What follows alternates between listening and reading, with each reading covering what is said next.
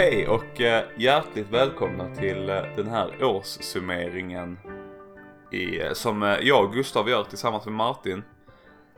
Jag vet inte vilket nummer detta blir av podden för alltid nummer ett. Men det jag kanske jag skulle. Jag gissar på 38. Nej, jag tror faktiskt det är 39 alltså. Men det kanske man skulle kollat upp innan man satt så här för att nu låter man som en idiot. Det, spe det spelar ju ingen större roll. 38-39. 39 var det. Ja, då, var, då leder du med 1-0 idag. Ja. Eh, vi ska ju göra en, ja, vår, vår andra halva av säsongssummeringen idag. Sist så eh, konstaterar vi efter en timme, en timmes genomgång av alla andra lag att det höll på att bli lite för långt att vi skulle vänta en vecka till med MFF. Eh, så att den kommer först nu. Så jag hoppas att alla lyssnare är riktigt taggade och riktigt sugna på att höra vad vi har att tycka och tänka. Vad vi har tyckt och tänkt om MFF under det här året.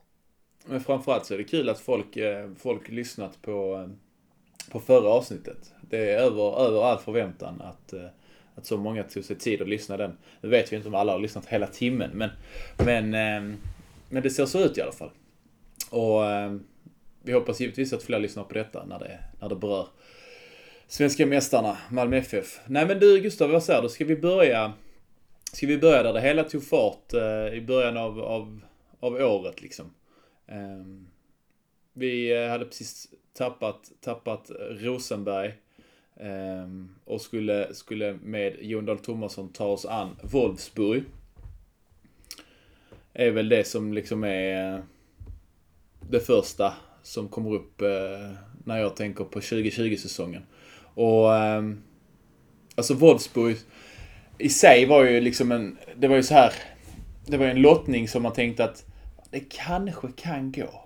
Hade man ju ändå någonstans. Det, var, det fanns ju värre, värre lag att lottas mot eh, där i början av året i, i eh, 16-dels, är det, 16-delsfinalen man går till då va? I Europa League. Um, och um, ja, nej men den, den, eh, alltså det mötet med Wolfsburg som sagt. Man, jag hade i alla fall känslan att fan, det finns en teoretisk chans. Vad hade du för känsla där kring, kring Wolfsburg? Nej men jag hade väl eh, lite samma. Eh, först och främst vill jag bara säga att det är helt ofattbart att egentligen det är det första stora fotbollsmässiga som hände i år. För det känns helt otroligt länge sedan det var, det var Wolfsburg på menyn. Men nej men precis som du säger så eh, känslan var väl att det absolut inte var en omöjlig lott. Eh, det var väl alltid ganska, ah, ganska tydligt att de skulle vara favoriter eh, och att det var deras match att förlora egentligen. Men känslan för min del var ju att det fanns en möjlighet om allting klaffade eh, att, att vi skulle kunna gå vidare. Eh, men, men det hade krävts, ja, det hade krävts lite sämre form hos dem, lite sämre inställning eh, och verkligen pangdagar för, för alla MFF-are inblandat. Eh, och så blev det ju tyvärr inte riktigt. Nej men precis, men jag tänker att vi kanske kan komma in på de två matcherna eh, strax. För att det man faktiskt glömmer bort det är ju att, att innan vi mötte Wolfsburg, när vi hade fått, eh, fått lottningen, om jag inte missminner mig helt, så skulle vi möta eh, Syrianska i eh, Svenska Kuppen. Vi spelade hemma. Vi vann med 8-0 och bland, bland målskyttarna så hittar vi Marcus Antonsson, Erik Larsson. Eh, nu ska vi se, försvann det här för mig. Erik Larsson, eh, Traustason, Nalic, eh, Romain Gall, Pavle Vagic och Guillermo Molins. Eh, bara som en liten sån här fresh up uh, your memory. Uh, så var det de som spelade den här matchen mot Syrianska i början på, uh, i mitten på, på februari. Och därefter var det en träningsmatch mot, mot Jönköping Södra som vi, som vi vann med 3-2. Ehm, och då såg väl laget ut ungefär på samma sätt. Men där, där i den matchen gör Tim Pritcha mål. Ehm, så att det är ju, eh, det är ju där säsongen liksom tar sin, tar sin start med de spelarna i målprotokollet. En oerhört komfortabel vinst i Svenska Kuppen Och sen så, eh, så var det dags att åka ner till, eh, till Tyskland för mötet med Wolfsburg. Och eh, jag var ju nere på plats. Var du där nere? Nej, jag var i, i Österrike då. Och åkte skidor. Så, eh, ja nej, och det, det är väl egentligen det, det, det är det enda som man på något sätt minns tillbaka med eh, som, som något sätt på riktigt den här säsongen. Det var ju den, den uh, urladdningen som vi ändå stod för när vi åkte ner till Volkswagen Arena med, jag kommer inte ihåg hur många det var, men det var ändå ett, uh, ett godkänt antal ner till, uh, till Tyskland där. Många man eh, uh, träff stötte på på båten och ner på, på pubarna nere i, i Wolfsburg. Vilken fantastiskt vidrig stad det var. Alltså det var så jävla grått och dystert. Och en sån riktig fabriksstad där allting kretsade kring den här Volkswagen-fabriken liksom. Nej men det... Eh, det var mycket... Eh, där kändes ju allting liksom som, som vanligt. Då hade inte Corona överhuvudtaget smugit sig in i, eh, i, i våra liv. Och det var ju, jag har för mig att det var vecka åtta. Tror jag det var. För att jag var ledig, vet jag. Jag tog inte ledigt utan jag var ledig. Eh, och det var ju då när folk var iväg och åkte skidor och sånt som du då också var givetvis. Eh, och därefter kom du ju till Sverige så att säga. Eh, eller vecka nio var det väl egentligen Corona kickade in i Stockholm som värst liksom. För vi skåningar ska väl säga, säga det att vi har ju varit ganska förskonade fram till nu. På, på hösten. Nu ska vi inte sitta och diskutera Corona, men det blir ju ändå någonstans att man, man landar i liksom när, när kom det, när ändrades liksom hela våra supporterliv och det var ju då, vecka 8-9 på, på året liksom. Um, och sen tycker jag att rent det jag har, det jag har minnet av nere i Wolfsburg, liksom att, att vi gör en bra match. De gör bara 2-0 och det är lite som när man mötte Atletico och de liksom inte fick större hål på en... Eh, att man är, att man är nöjd med det. Men sen gör vi det där straffmålet som, som Kistelin sätter dit och då, då känns det som att, alltså någonstans som vi sa innan, att hoppet levde inför returen. Men, eh, mm. Precis, det straffmålet det, det betydde väl ändå någonstans att den känslan man haft på förhand att det, det fanns en chans, det fanns en möjlighet. Det var liksom inget, inget Real Madrid där en av världens bästa spelare jagar målrekord i Champions League eller vad fan det var. Utan det var liksom ett, ett kanske snäppet bättre motstånd men absolut ingenting man inte kan slå. Um, sen så men... gick det ju sådär veckan efter. Ja, det gjorde ju det och det, och det, var, det, det var väl också första gången, eller är jag ute och cyklar nu, men var det inte första gången VAR syntes till på en allsvensk eh, arena? Eller hade man VAR redan i Europa League förra året? Jag tror att det kan ha varit första gången. För att ja. eh, visst är det så att eh, det är ett av målen de gör mm. i Wolfsburg är det väl till och med som ställer till det för Rasmus Bengtsson.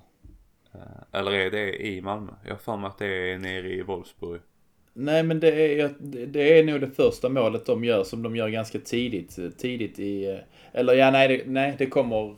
Det kommer nog i första halvlek någon gång. Men det, det, det är det som ställer till det tror jag. Um, om det är det eller om det är liksom... Ja, något av de målen som ställer till det för, för Rasmus Bengtsson som du är inne på. Men jag tror det är första gången vi ser VAR eh, här. Eh, och det visar ju också, det, känslan på läktaren direkt där var ju folk runt omkring också så att måtte det här aldrig komma in i, i allsvenskan och förstöra vår, eh, vår liga liksom. Nej men vi, vi får ju en lektion i, i, eh, i fotboll och det är lite som när vi mötte eh, Red Bull Salzburg. När man eh, blickar tillbaka och tänker att de hade spelare som Mané och vad var det mer för några lirare där liksom som, eh, som sen hamnade i rätt så, eh, rätt så stjärnfyllda lag. I gamla Salzburg så är det ju Keita, eh, Campbell, Gulashi, målvakten är väl i eh, något tyskt så här Champions League-lag nu tror jag. och någon av backarna också. Ja, Hinteregger tror jag det. Men, men det är så här, de, de, de spelar, de, hade, de har spelare som jag tror kanske om något år också, också är eh, också är eh, i, i mycket bättre lag eh, än Wolfsburg. Så, eh, mm, nej, men vi får oss en lektion i fotboll och eh, tyvärr räcker vi inte till helt enkelt. Och sen så hinner vi spela två, eh, två matcher till Gustav i kuppen. Vi, eh, vi åker upp till Karlskrona och lyckas ladda om eh, ladda om och få se Jonas Knudsens frisparkskanon. Säsongens mål. Eller? Ja, men... Uh, det, det är ett minnesvärt mål för det är inte så ofta man ser frisparksmål i MFF. Det kommer vi komma in på mer uh, under avsnittet här men, men det är ju klart, det är ju ett sånt mål man, man minns. Sen att det är mot Karlskrona är väl kanske inte det det kanske inte är där man ska för, förverka alla sina frisparksmål även om det var nyttigt i just den här matchen. Ja, för det är ju ändå så att vi vinner, vi vinner med 2-1 mot Karlskrona. Och eh, därefter slår vi eh, Eskilstuna. Ehm, vilket ju gör att, att eh, vi, vi går vidare från Svenska Kuppen ehm, Och blev ju ändå ganska övertygande. Och segern mot Karlskrona i sig hade vi ju klart oss utan, men då hade vi ju inte fått lottningen att spela på, på hemmaplan mot AIK i kommande omgång. Men den blir ju inställd där i mitten av, av mars på grund av Corona. Och är det är det dagen innan som det beskedet kommer, eller hur? Missfinner jag mig där? Eller är det att Rasmus Bengtsson Sköts inte den upp i, i omgångar? Var det inte det först snack om att den skulle spelas utan publik? Eh, ganska tidigt, jag har att det var till och med innan säsongsinledningen. Eh, och sen, ja, ju sämre allting blev så, så valde man att skjuta upp den och flytta fram den och flytta fram den. Tills, ja, där eh, en bit in i allsvenskan. Men det var väl, det var väl en av de första flyttarna, en av de första så här direkta påverkan på, på spelscheman och sånt vi fick se. Om man bortser från att hela allsvenskan sköts fram tre månader.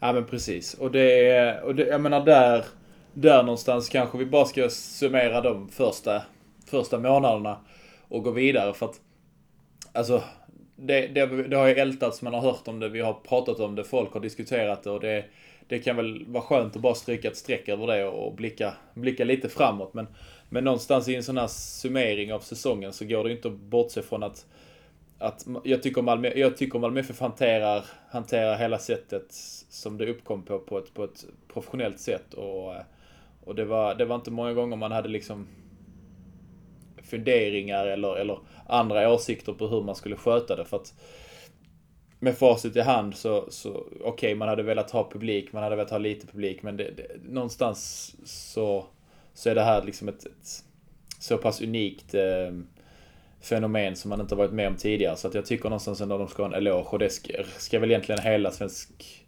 elitfotboll ha eh, för sin hantering av det. Eh, sen är det fruktansvärt tungt att tänka tillbaka på den här säsongen. Och tänka alla, alla fantastiska matcher och mål och saker som man hade fått uppleva om man hade fått vara på plats. Men det, det går inte att vara sentimental, eh, sentimental eh, med rådande läge och, och liksom den pågående pandemin som det fortfarande är. Liksom. Åh jävlar. Vi gör allt för att psyka. Men sen eh, till slut i, eh, i mitten av juni där, den 15 så drog allsvenskan igång för MFF. Äh, mötte Mjällby och ja, jag vet ju såklart hur jag kände, men hur kände du där i början av säsongen? För det, det blir ju liksom en helt ny erfarenhet för en, som supporter egentligen, att sitta ja, men hemma i soffan. Eh, antingen hos sig själv eller hos polare eller vad man nu valde att se matcherna. Men det, men det är ju liksom en en väldigt ovanlig, ovanligt sätt att konsumera fotboll på eller vad man ska säga. Då, man gör väl ett par matcher om året när det är bortamatcher och liknande som man inte kan eller får åka på eller vad man ska säga. Men hemmamatcher, hemmapremiärer. Alltså jag kan ju inte komma på när man senast missade en hemmapremiär av någon anledning liksom. Men eh, så, så hur kände du liksom när, när allsvenskan väl kom igång och eh, om man inte kunde vara på plats? Nej men alltså lite som du säger där så, så är man ju Man ser ju några matcher per år och när, när liksom När den 14 juni kom och det var Sirius Djurgården på TV och man liksom satte på den Så var det liksom ändå någon sån Det var ju ändå en skön en, en, en skön känsla att det liksom drog igång. För det är ändå så att man andas allsvenskan och man andas Malmö FF För det tror jag många med mig eh, förstår vad jag, vad jag menar. Men sen var det ju det här när man såg matchen och man hörde inget publikljud, man såg ingenting på läktarna, man såg inga svepande bilder över, över målfiranden och, och, och den biten. Så blev det någonstans ett tomrum eller en, en ja men det var ju en, en konstig känsla. Men jag tyckte nog någonstans för min egen del att det vägde ändå över den här positiva känslan av att se, av att se allsvensk fotboll. Eh, trots att det var på TV för att hela liksom våren från den här marsmånaden då fram till liksom mitten av juni. Att det var tungt för att det inte det var någon allsvenska som man var van vid. Liksom, när man satt i fikarummet på jobbet eh, så var det det man brukade prata om. Nu var det inte ett samtalsämne längre. Och det blev, det blev liksom någonstans ändå en skön... Eh, eh, ja, men en skön bekräftelse på att det liksom började återgå till någon form av normalitet. Sen så var det med passusen då att, att, att det inte var någon publik. Men, men absolut en extremt märklig känsla vid varenda hemmamatch att, att inte liksom vara på plats. För att det är de som jag nu eh, på, på ålderns höst höll jag på att säga. Nu ska vi inte jag säga att jag är så gammal när det finns äldre lyssnare än mig. Men, men när man får barn och sånt så blir det ju en annan, eh, en annan vardag. Då är det hemmamatcherna som jag, som jag missar. Sen ser jag de flesta bortamatcherna på TVn tyvärr. Eh, även om man gärna hade åkt till Falkenberg och Kalmar och de här lite kortare bortamatcherna. De hinner man trycka in trots att man jobbar och har barn. Men eh, nej, alltså fruktansvärt tråkigt och jag tror vi har ältat det men som sagt, vi, eh, när vi lyssnar på den här, eh, när det här, på det här avsnittet om, om tio år så, så kommer vi nog bara känna en enorm glädje av att faktiskt få uppleva fotboll på plats. Om det, om det då är en verklighet, men det hoppas vi väl innerligt att det är. Jo men såklart är det så. Eh, och det, det, det är väl min stora så här, puck man tar med sig för att tv-upplevelsen har ju varit otroligt annorlunda jämfört med vanliga fall. För att i vanliga fall så har du ju ändå ett le- precis som du säger, ett, le- ett, levande moment vid sidan av planen. För att du kan alltid höra någon ramsa för att det är alltid mickat mot läktarna och sånt. Och jag vet att det är, det är inte det fetaste att sitta hemma i soffan med, med näven i chipsskålen och höra ramsor. Eller se liksom att det kommer lite rök från pyro eller någonting. Men det bidrar ju ändå till att bygga upp stämningen. Så att i början där så var det verkligen framförallt de här andra lagen där man inte är lika emotionellt investerad så blir det konstigt att se typ Djurgården-Sirius och bara känna så här. Det här är en träningsmatch. Det här händer ingenting. Jag hör inte en, en ramsa. Jag ser inte en flagga eller någonting utan det är bara helt stilla och tyst. Men när MFF väl kom igång eh, och ju mer man kom in i säsongen så, så, så jag ska inte säga att jag vande mig vid det för att jag kommer nog aldrig riktigt vänja mig vid den, eh, den här upplevelsen man haft i år. Men jag kom in i det emotionellt också för att någonstans i grund och botten så har jag ändå den relationen med MFF att så här säsongen betydde någonting för mig. Det betydde någonting för mig att se laget gå ut och spela, spela matcher liksom. Sen är det klart att det, det har inte varit samma liksom långvariga känslomässiga påverkan. Eh, som när man kommer hem från stadion, när man går genom pildammarna efter en efter en seger eller eh, ja, ännu värre efter en förlust och man är liksom förbannad i dagar och helt uppe i varv när man kommer hem och ska liksom, försöka slappna av och gå och lägga sig så småningom. Det, det fulla emotionella spannet har man ju inte riktigt haft i år liksom. Men eh... Nej men jag tror någonstans ändå att folks så här ventiler, alltså som, som krävs i, i många MFFs och allsvenska fotbollssupportrars liv. Eh, har man ändå fått kunnat, kunnat pysa ut lite grann av. Sen tror jag att, att den, den liksom vad ska man säga, den stora liksom urladdningen kommer att ske när, när det är fullsatta läktare igen. Som det, som det liksom, men som det kommer att bli någon gång i framtiden. Eh, och det kommer bli nice. Alltså för jag tror att folk liksom har kunnat konsumera det, eh, det supportermässiga eh, liksom eh, till nästa säsong. Men om, om, då inte, om då inte vaccinet är på plats till sommaren på allihopa och att man kan släppa på nästan fullt då. Eh, då vet katten hur länge man klarar av att konsumera, alltså eller konservera sin passion liksom. För att det märker man ju, eh, märker man ju mångt och mycket att många har fått utlopp för sin kreativitet på andra sätt. Men där finns ju liksom sådana enorma krafter som jag tror är svåra att egentligen sätta finger på och sätta ord på. Det är ju det är, det är dumt också att försöka. Men de krafterna liksom behöver få utlopp för sin energi och sin passion för att annars på något sätt kvävs de, tyvärr tror jag, eh, successivt. Alltså bryts ner successivt.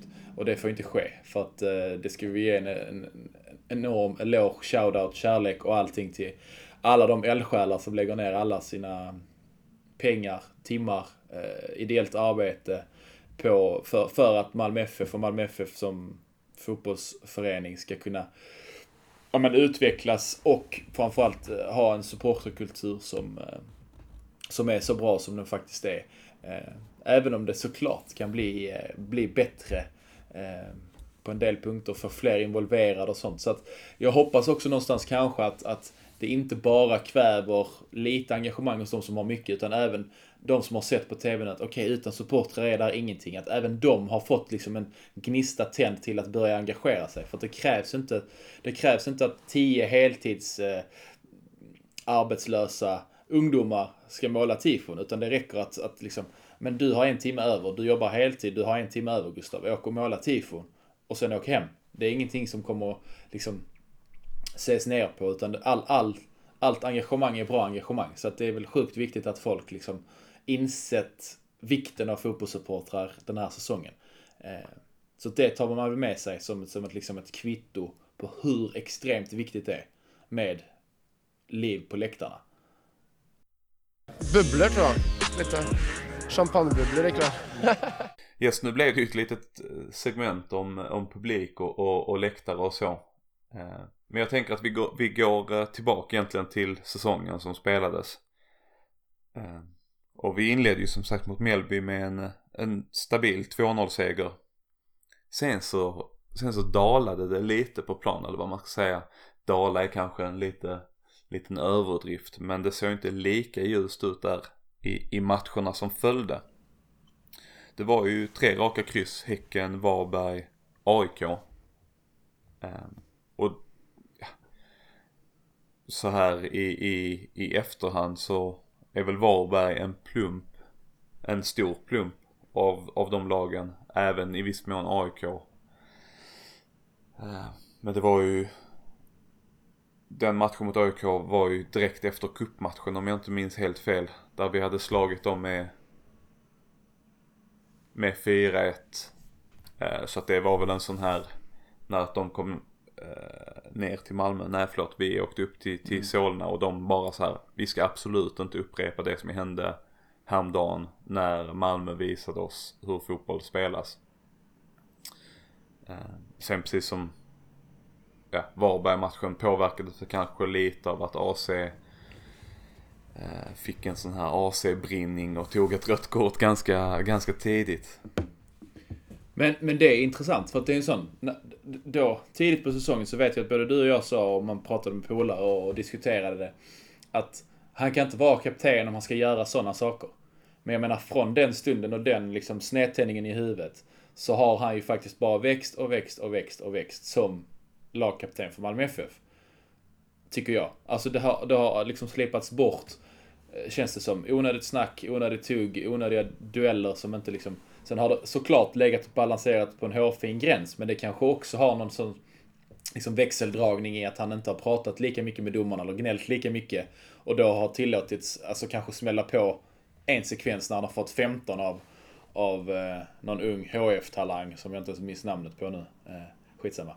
Men, men du är med på att jag menar att han har liksom låtit spelet och fötterna tala istället för munnen kanske. Som kanske har varit tidigare sekvenser när det har varit folk på läktarna också. Eh, så att där tycker jag ändå man får, ge honom att han ställde om väldigt, väldigt bra. Eh, för det tror, jag, det tror jag om vi ska komma in på det redan, men det vet jag inte. Men eh, AC tror jag är en av de som ändå har lidit allra, allra mest av att det inte har varit publik på läktarna. Som, Nej, sen ändå har, som sen ändå har hanterat det på ett väldigt bra sätt ska jag säga.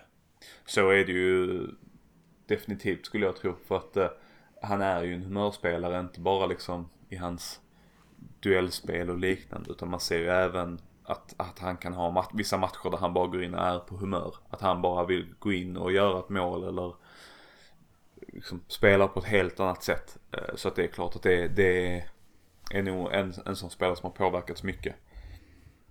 Eh, men, men ja. Men vi, vi, vi kan får- ta det i slutet kanske med vilka spelare och sånt som vi tror eh, lidit mest och påverkats mest och så här. Eh, lite avslutande gissningar.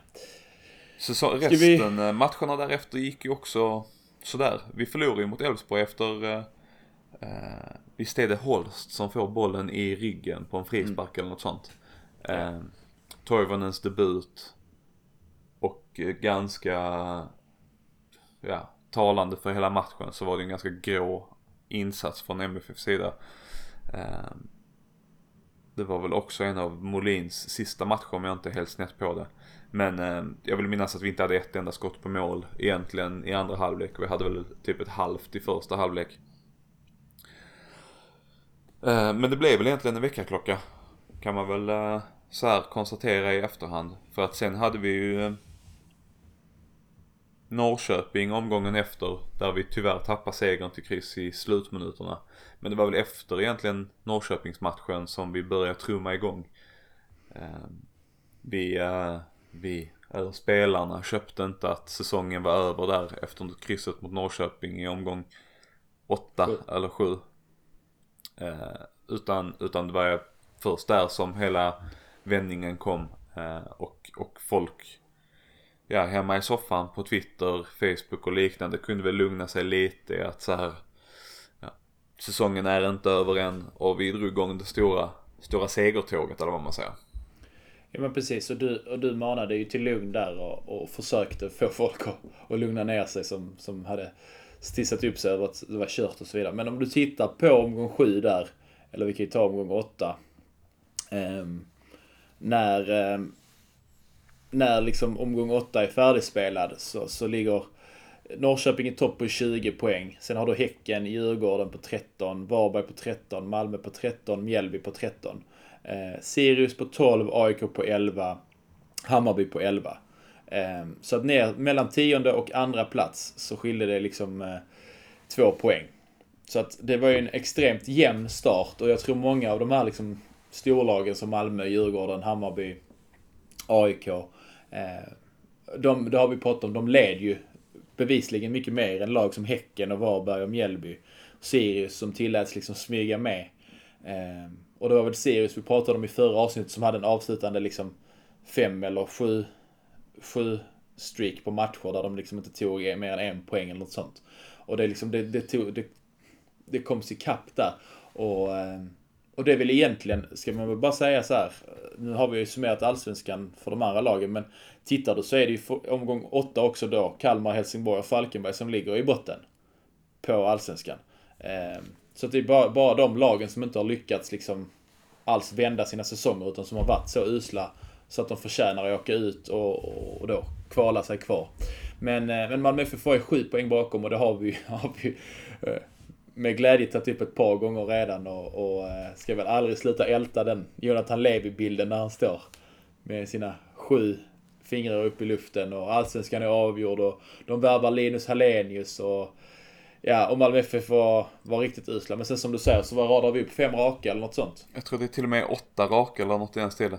Eh, sen, sen kan man väl erkänna också att schemat efter Norrköping är kanske inte det på pappret absolut tuffaste. Det är liksom Östersund, Kalmar, förvisso Hammarby, eh, sen är det Sirius, Göteborg, eh, Helsingborg, Ja, ja, ja. Falkenberg och liknande liksom. Så att det är inte, det är inte bara topplag vi möter men jag tror vi var inne på det där också att det finns ju inga enkla matcher för MFF. Eh, för det kommer ju alltid finnas en liten extra gnista motivation hos motståndarna. Sen så, precis som vi är inne på då också, att vi är, är ju bättre än alla lag så att, ja. Men där finns ju en match som, som absolut inte är lätt för, för MFF. Och vi, eh, vi ska inte älta den, vi ska inte eh, gno in den i våra ansikten. Men, men nästa år måste vi vinna kuppen för det det kan Kalmar FF efter 25 raka matcher vinna hemma på sin Guldfågel Arena i kvalet mot Jönköping så ska väl vi kunna slå, något lag även om vi hade världens på pappret lättaste motståndare detta året.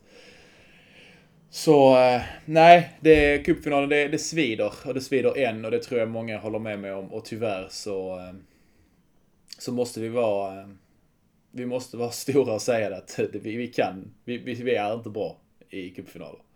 Vi är i Malmö FF, vi måste kunna prestera på en bättre nivå. Och mm, Jon Dahl Tomasson, jag är den första som kommer kommer hylla dig till skyarna om du lyckas vinna kuppen För det, att vinna ett guld, det kan man uppenbarligen bli sparkad för som Allan Kun och MP och Norling och allt vad de har hetat för några år sedan. Men, eh, nej, vinner han kuppen 2021 så eh, då kan vi signa honom på livstid.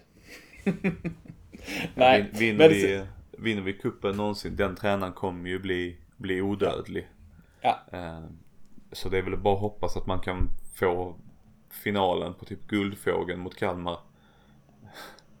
ja, man... ja. Så de, du menar så att de nu, där de nu kommer rada upp så 25 raka. Där cupfinalen är liksom den, eh, den tredje matchen av dem. Nej, herregud, vi ska inte prata cupfinal, då blir man lite deppig. Det här är, det här är en säsongssummering som är, som är nice. Vi, eh, vi var i cupfinal och det är väl det vi kan begära av, av ett, ett fotbollslag som Malmö FF att, att gå dit liksom. Och det var en ganska enkel väg dit. Men sen, eh, som du säger, så rakar vi upp, eh, radar vi upp åtta raka. Men du ville, du ville nämna något mer om debaclet i Göteborg eller nej? Nej, jag tänkte mer gå in på eh, kuppspel faktiskt. För att eh, allsvenskan, ja, den kan man ju sammanfatta egentligen med att i slutändan så blev det ganska, ganska komfortabelt och ganska enkelt att vinna den.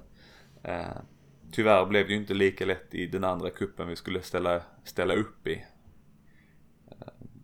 Europa League. Vi mötte ju, ja vad var det, Lokomotiva. Eh, Krakowia första? Ja, Krakowia, Honved, Lokomotiva. I den ordningen, mm. eller. Mm. Och, och, det var väl inte de svåraste motstånden. Eh, egentligen. Så Släpper det... inte in ett enda mål i, i de tre matcherna. Eh, och gör nio. Så det kan man ju tacka för. Det är väl det, är väl det man det kan man ju glädjas åt som MFF för att de här lagen som ja, som de, våra svenska konkurrenter tycker är jävligt feta att möta. De tycker det är jävligt fett att liksom få åka ut i Europa och möta ett gäng, ett gäng bosniska bönder typ. Och ett gäng fåraherdar från Georgien typ. Eh, och tycker att det är jävligt ball och bara få vara med och åka ut. De lagen har vi liksom på något sätt lyckats ta klivet och, och, och, och slå ganska komfortabelt. Sen här får man väl säga att det här är Sen åker vi på en, en mardrömslott. Eh, jag brukar inte, jag gillar inte att säga att vi mardrömslott hit och dit. Men Granada, ja det, det vore väl en lögn att säga att det var en, en bra lott för MFF. De är fortfarande topp 6 i spanska ligan. Eh, så att det kan vittna väl lite om att de håller en, en, en hög nivå. Som jämförelse så ligger Wolfsburg sexa tror jag i Bundesliga just nu så att det är väl ungefär alltså, den nivån Granada håller som vi fick i playoff liksom. Ja men och sen också så Granada går, går, går vidare ifrån sin grupp. Eh, alltså likt vi gjorde förra året. Ehm, eh, med ganska enkel grupp kanske. PSV, Pauk och, och Monia. Men alltså som du säger, det, det, vi kan, vi, det, vi, det vi har sagt om att säga mardrömslottningar, det är att göra det innan. Likt Djurgården. Men jag menar efter, med facit i hand, kan du väl säga att det är det. Tror du att, tror du att, att med supportrar på plats att vi hade haft en chans? I matchen? Ja men alltså det är, det är jättesvårt att säga, jag förstår det. Men liksom, hade det varit en jämnare match eller hade det, hade det ändå varit kört. Ja, jag, jag tror att det hade varit en jämnare match. Uh, definitivt. Sen så Sen så är det väl lite på, på samma sätt som, som Wolfsburg som vi var inne på precis att vi har en chans. Uh, vi kan ha en chans om allting klaffar för vår del. Eh, och där tror jag att supportrarna drar upp det ytterligare nivå och kanske får saker att, Öka ökar sannolikheten att saker klaffar. Men i grund och botten, lag mot lag så, så är det ett bättre lag. För det som jag tror var, var vår chans var att vi fick hemmamatch. Det var ett möte. Det var utan publik. Alltså det var de tre alltså, grejerna som liksom gjorde det. Hade det varit publik, ja vi hade kanske, vi hade kanske stått emot och spelat 2-2 hemma eller hållit 0-0. Men sen hade vi inte, alltså jag tror inte vi hade haft mycket att sätta emot Granada på bortaplan i Spanien. Liksom. Det, alltså, det är ett för bra lag. Eh, det hade varit 180 minuter vi skulle stå emot. Nu var det liksom, som, som du var inne på, som man kanske funderade på i februari om det ens var, alltså efteråt, om det ens var rimligt att ha förhoppningen att vi skulle kunna slå Wolfsburg. På samma sätt som det liksom nu inte känns rimligt att, även om det bara var en match, även om det var utan publik och liksom så här, att de inte kom dit helt taggade och, och de hade väl precis avslutat en säsong också. Eh, om jag inte missminner mig. Eller? Hur var det nu där? Nej, de har precis inlett eh, säsongen Eh, i Spanien. Jag tror, ja vi, hade de, jag tror vi var precis antingen efter eller precis innan de skulle möta Atletico Madrid eller något sånt, den matchen. Mm. Eh, Så att, ja, det kan man väl säga att jag tror det var precis efter de hade mött Atletico Madrid. Mm. De hade rätt bra sparringmotstånd veckan innan och vi hade eh, Häcken hemma dagen innan match liksom. Så att det var ju, Nej men vi, vi gör ju 1-1 och går till paus med 1-1 och det, det, där är ändå något form av hopp. Hopp liksom. Ja, i alla fall hos mig. Eh, I halvtidsvilan liksom. Men sen så. eh, om jag inte missminner mig helt så, så, så växlar de väl upp rätt så rejält och sätter ett rätt rejält tryck och får in bollen efter 60 och så då känns det kört liksom. Eh, men nej, nej vi, vi kan, vi kan eh, absolut summera det som att vi, vi skämmer inte ut oss men eh, men vi hade inte mycket att komma med. Helt enkelt. och vi, vi tuggar väl egentligen vidare. Här någonstans, för- mig att det var kring den här tiden som man börjar känna sig rätt trygg i, allsvenskan också. Eh, Vi, vi eh, diskuterar väl att det skulle krävas liksom en fullständig kollaps egentligen. För att vi skulle gå bort oss och att eh, Elfsborg och Häcken skulle behöva vinna typ ja, alla matcher de hade kvar som var typ 8-9 stycken eller något sånt vid det här laget väl.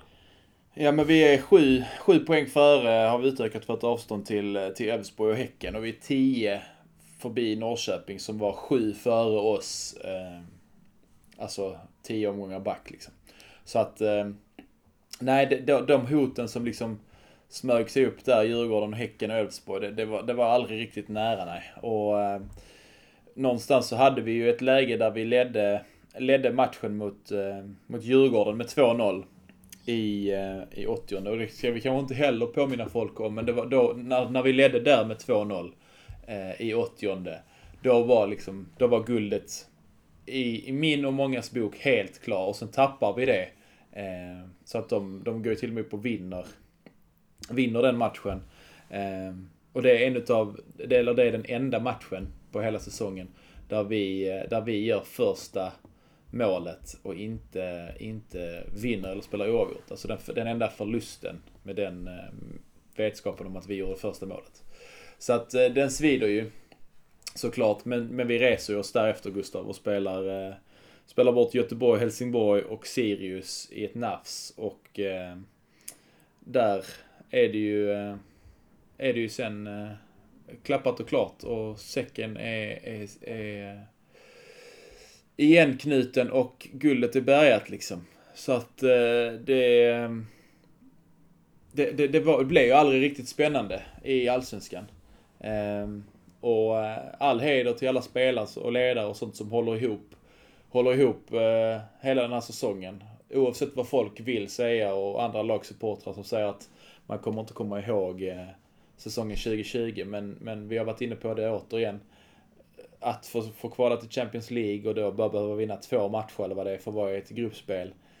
Är ju en, en enorm viktig del för Malmö FF Och fortsätta bygga på den liksom identiteten om att man är ett lag som slåss ut i Europa på, på två fronter varje år och har bred trupp. Och, och det är väl liksom lite det vi kommer komma in på, men det kanske vi gör i nästa avsnitt, liksom lite framtidstro, vad vi tror kring, kring lagbygget och så. Nu börjar det närma sig jul och mellandagarna här ju, så att det är inte många dagar kvar av det här skitåret. Nej, så är det ju. Men, men lite så här avslutande eller vad man ska säga summerande tankar kring det här så blir det ju, ja men precis som du är inne på, många har försökt få det till att antingen att säsongen inte räknas eller att poängsnittet är förhållandevis dåligt eh, jämfört med, med tidigare år. Vilket jag i grunden tycker är en så otroligt konstigt sätt att tänka på. Eh, för att vi tävlar i säsonger. Ska man sitta och göra liksom uträkningar på, på den här säsongen jämfört med förra säsongen eller förrförra eller förrförra igen. Så alltså, du snurrar in dig i så många olika konstiga matematiska uträkningar som liksom inte, som inte finns något syfte till att göra från första början. För att det är ju ingen som pratar om att liksom botten, bottenskikten av allsvenskan i år har tagit mer poäng och varit tuffare. Eh, utan man fokuserar bara på att Hammarby hade vunnit guld om de hade tagit lika många poäng som, som, som i fjol. Ja, men det gjorde den inte så att vi kan sitta här och football managera denna säsongen i all oändlighet. Nej men du har en jätteviktig poäng där och det, det, det är roligt att man tittar på liksom mästarna och mästarsnittet och att vi, vi gnäller över att vi tog fem, ja, men vad blir det, fem poäng mindre eller sex poäng mindre än, än vad man brukar göra vid, för att ta ett guldsnitt. Men du tittar ju inte på tvåan som har ett snitt på 1,70. Där vi förra året kom tvåa på 2,17 som var bättre än i år. Alltså det, är så här, det, du kan ju linda in det här i liksom så löjliga liksom matematiska former, formler och, och grejer. Men en sak som jag tänker på som faktiskt är en stor skillnad som man faktiskt kan titta på eftersom att man spelar säsonger men man kan jämföra två säsonger. Det är ju ändå att, att förra året så gör vi eh, 56 mål och i år gör vi 64. Vi släpper däremot in 30 i år och förra året släppte vi in 16. Så att någonstans har vi blivit ett lag som gör mer mål men kanske lite på bekostnad att vi också släpper in mål. Ehm, och då gjorde vi som så att vi, vi har ju gjort vår egen, eh, vår egen lilla, lilla statistikföring Gustav på Ja men hur, hur, hur vi har spritt ut våra mål och vår målproduktion under året och det, det lägger vi ut på, eh, på Twitter nu när den är sammanställd och klar.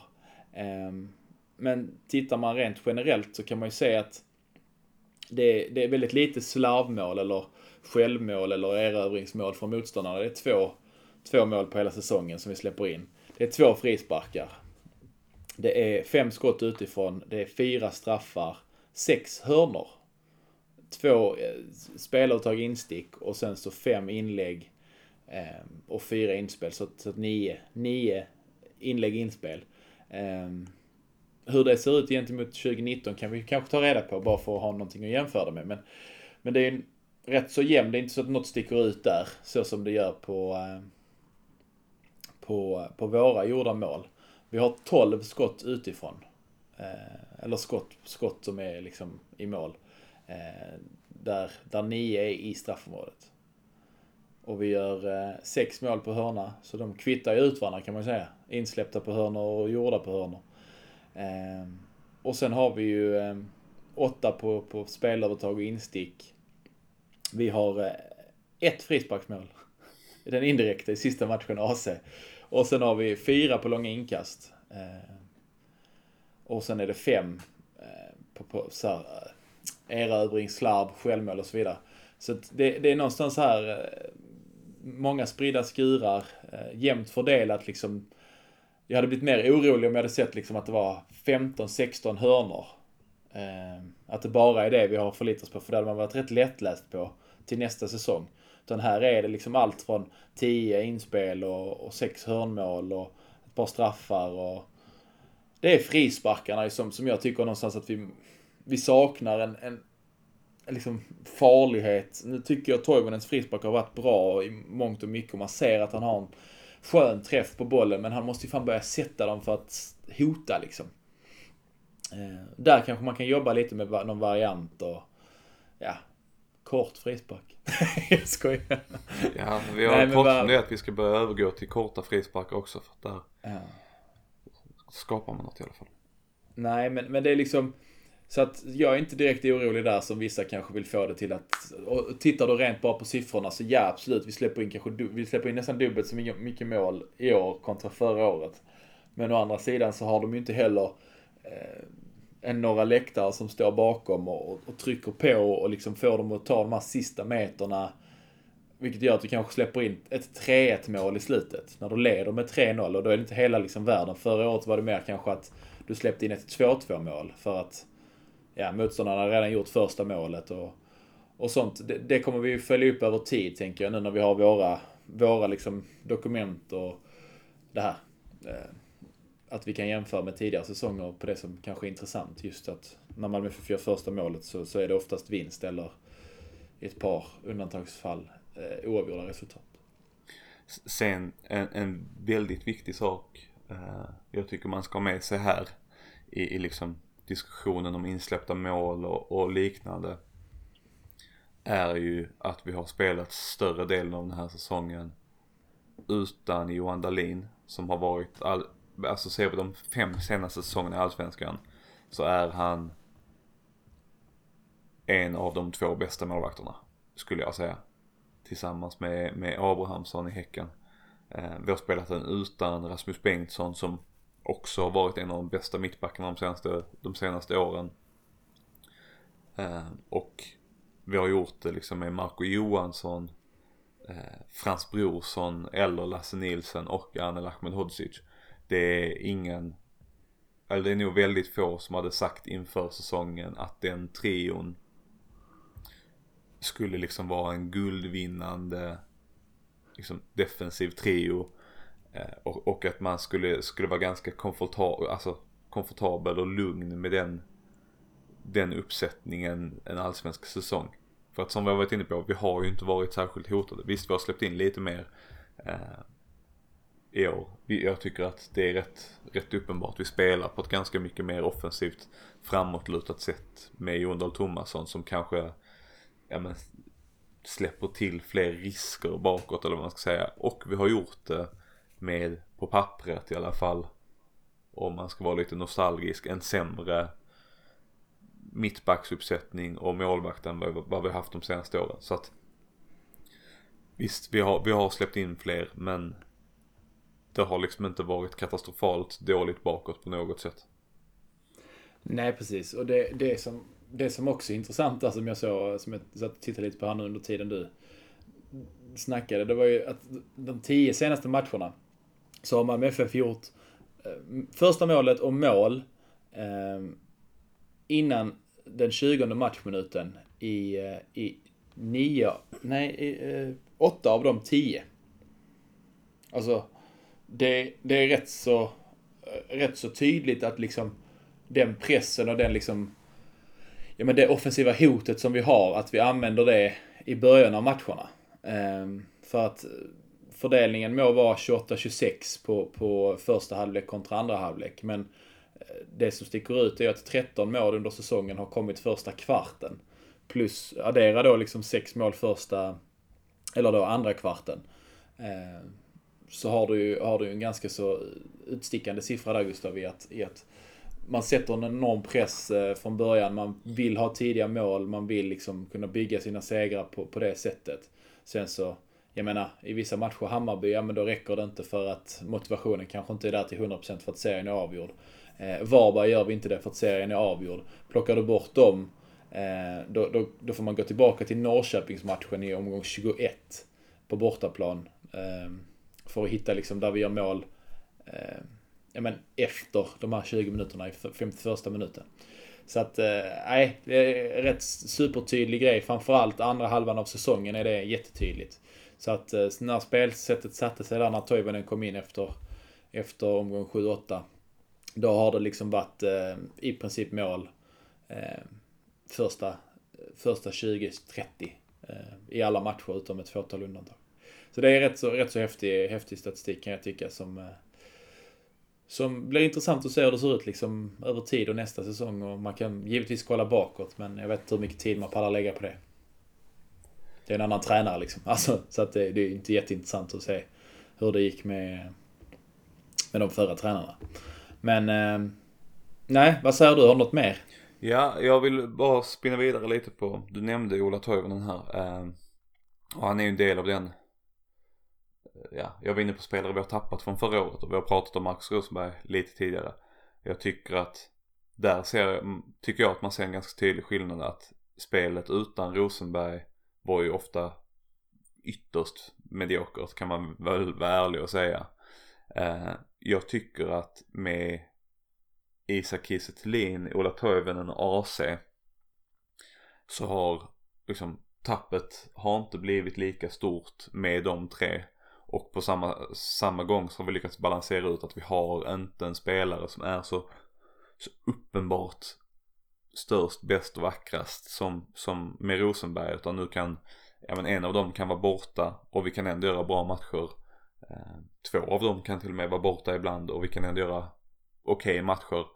Så att på så sätt så, så tycker jag att ja men säsongen som helhet har varit väldigt ja men vad ska man säga väldigt bra på det sättet att vi har liksom byggt upp en, en trupp som ja, fungerar lite bättre än, än fjolårets. Um, så att överlag så, så är jag ju rätt nöjd med säsongen. Det är klart att jag hade gärna sett att Alf Westerberg slapp stå med cupguldet eller Granada slapp spela Europa League-gruppspel. Men eh, ja, ser man bara ut ur allsvenskt perspektiv så tycker jag att det var en fullt godkänd säsong i alla fall. Sen har jag även en spaning om, om publiken som jag vet att det har pratats om tidigare under året. Jag vet inte om du tycker jag ska dra den här redan nu? Nej, jag tänker att vi, jag, jag vill spara den. Eh, eh jag tror man veta vilken det är nämligen. Att vi sparar den till nästa avsnitt och kör en, eh, kör en lite, kör lite listor nästa, nästa avsnitt helt enkelt. Eh, där vi även, ehm, ja men där vi även behandlar Allsvenskans stora pris och, och lite sånt som, som har varit. För att jag tror att det här, eller jag känner att det här är ett ganska bra, ett bra sätt att avsluta den på, Gustav. Nu kommer flygplan utanför fönstret. Då blir man rent fascinerad. Vad är det för något? Det, är inte det. det ser inte ut som en julgran i alla fall. Det låter inte i... som, en, som en gran heller. Nej. Jag vet inte om det där gick in på ljudet. Men fyra sådana här. Ah. Jag vet inte vad det var. Nej, men jag tycker det känns som ett ganska bra, eh, bra avslut på den här eh, säsongssummeringen kring Malmö FF eh, 2020, Gustav. Vi, eh, vi har ju i tidigare avsnitt också pratat och diskuterat och dividerat om, om diverse saker. Så att det blir lite, lite repetitivt kanske att ta, eh, att ta vissa punkter och bollar igen liksom. Men eh, nej, vi, man, man, man bör vara väldigt nöjd som MFF-supporter. Eh, att, eh, att vi liksom vinner allsvenskan. Att vi kom till en cupfinal och liksom... Men gav, vi gav oss själva chansen. Det var liksom otroligt nära att vi faktiskt åkte hem med pokalen eh, från Göteborg. Eh, vi går till, till playoff i Europa League och får liksom en tuff lott. Vi, eh, vi gör mycket mer mål, vilket ju borde vara underhållande och roligt och bra på alla sätt för alla supportrar. Täpper vi till luckorna bakåt som då inte har varit några luckor men mer att vi, inte, att vi får tillbaka Johan Dahlin och kanske släpper in lite färre mål och, och har lite mer tur i lottningarna och ser till att få rätt domare i, i Svenska Kuppen kanske då Andreas Ekberg eller någon sån. Eh, så, ehm, så ska vi väl kunna se, se fram emot eh, en enorm eh, med enorm tillförsikt till 2021 och så som sagt så tar vi en eh, årssummerande total hel lista med hissar och dissar och flippar och floppar i, i ett sista avsnitt 2020. Där kommer vi även ta en liten kik mot 2021, eller hur? Mm. Ja, men jag tänker det. Att vi, vi, vi börjar med att titta in i spåkulan eh, inför 2021 i nästa avsnitt. Och sen så därefter så avslutar vi det avsnittet med en, en lista med lite olika eh, kategorier och eh, ja, lite smällkarameller helt enkelt. Så vi säger tack för att ni har lyssnat på dagens, eh, vad var det, 39 avsnitt? 39 avsnittet ja. Mycket. Ja. Så det innebär att vi avslutar året med ett 40 avsnitt då om vi inte klämmer in, äh, klämmer in ett till. Nu har vi två dam, damspecial om ni inte lyssnat på den som, som inte har räknat med eftersom att äh, det var specialavsnitt. Men äh, vi avslutar alltså året på 40 och ser med, med stor, ja, vad säger man? Med stor glädje och förväntan fram nästa. Med stor glädje och förväntan fram emot 40 avsnittet helt enkelt. Som kommer någon gång när ni minst anar det, precis som detta, som bara hittar ut till era poddspelare. Så att sprid ordet, skicka det vidare till eh, nära och kära vänner. Lyssna gärna med släktingar nu, som de här åtta som ni ska vara och fira jul med. Så att eh, var rädda om er, ta hand om er, tvätta händerna och eh, ha, det, ha det bra. Glöm inte att beställa era julklappar med hemkörning från supporterhuset som kör ut till stora delar av, av Skåne, eh, åtminstone sydvästra delar. Eh, så eh, som sagt, gör de det för ynka 79 spänn och eh, har man tur så får man ju påringning av en skön MFF-are som gör det här. Så att eh, ta hand om er, beställ era julklappar på supporterhuset och eh, stanna hemma. Ha det bra. Hej! From